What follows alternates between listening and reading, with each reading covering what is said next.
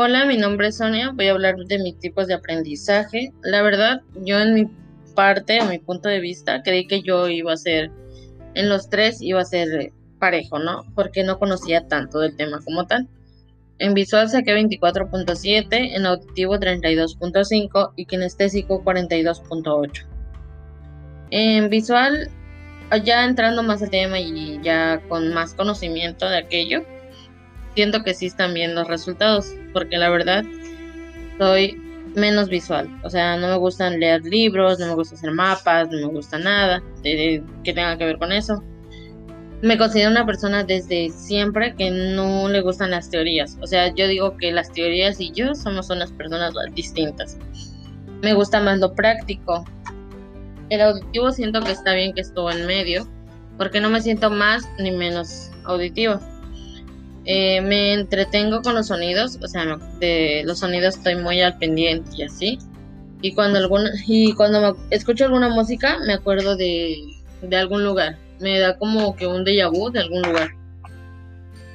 Y si escucho procedimientos o alguna indicación, prefiero escucharla antes de realizarlas. O sea que, que prefiero estar, escuchar los ah, audios o lo que sea antes de realizar alguna la actividad por una parte y por otra parte igual me gusta prefiero estarlas prefiero ser kinestésico y estarlas elaborando en el momento de que lo estoy viendo.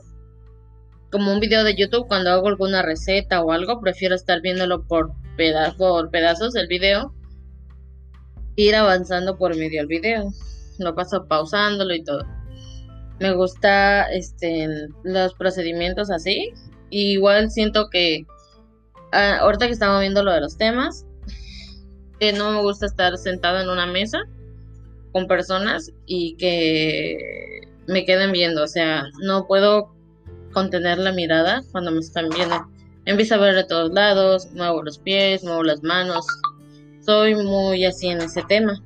Igual hace poco me di cuenta que ya tuve uno de mis más grandes retos siendo kinestésico que es el polígrafo. Este, en, mi trabajo me pidieron realizar un polígrafo para un departamento y este y eso fue uno de mis más grandes retos porque no voy a entrar en contextos tantos que este, usted conoce el polígrafo y sabe más o menos del tema. Tengo que estar sentada, no tengo que estar haciendo ningún movimiento porque altera la máquina.